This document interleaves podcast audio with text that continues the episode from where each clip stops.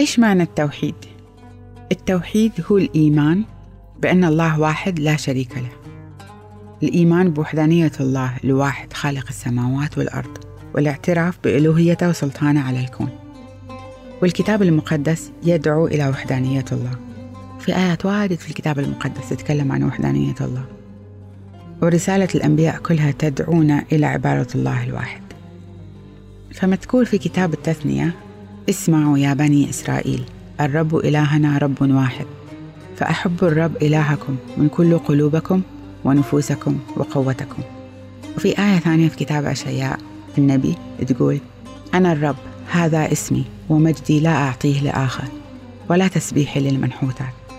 لأن الله ما يسمح أبدا أن أحد يشارك ألوهيته أو يعطي مجد لإله آخر صنعتها أيدي بشرية.